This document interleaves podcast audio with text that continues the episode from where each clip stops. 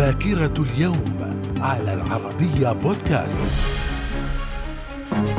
أهلا بكم إلى ذاكرة اليوم التاسع من ديسمبر ففي العام 1717 المملكة المتحدة تحتل القدس الشريف أثناء الحرب العالمية الأولى. وفي العام 1947 مجلس الأمن يصدر قرارا بتدويل القدس. في العام 1961 انتهاء محاكمة النازي أدولف إخمان في إسرائيل وأدين فيها بارتكاب جرائم جرائم حرب وجرائم ضد الإنسانية تجاه اليهود. من الذاكرة. ومن ذاكرة اليوم التاسع من ديسمبر في العام 1987 أعضاء السوق الأوروبية يوقعون على معاهدة ماستريخت للوحدة الاقتصادية والنقدية. في العام 2009 ملك الأردن عبد الله الثاني بن الحسين يعين سمير زيد الرفاعي رئيسا للوزراء خلفا لنادر الذهبي. وفي العام 2016 الإعلان عن سحب الثقة عن الرئيسة الكورية باك غن هي على خلفية تورطها في فضيحة فساد سياسي أدى الكشف عنها إلى مظاهرات شعبية ضخمة في البلاد وانتقال السلطة إلى رئيس الوزراء هوانغ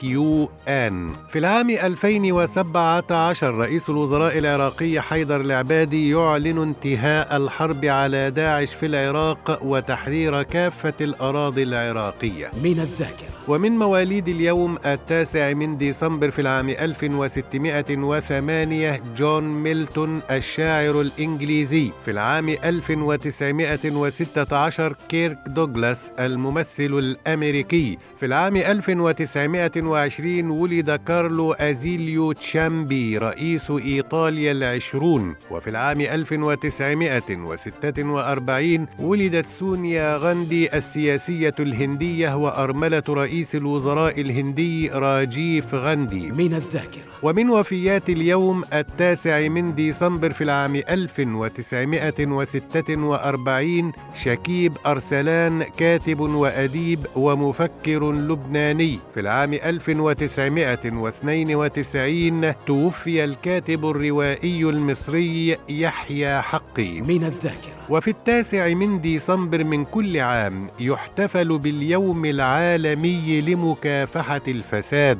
من الذاكرة. إلى اللقاء.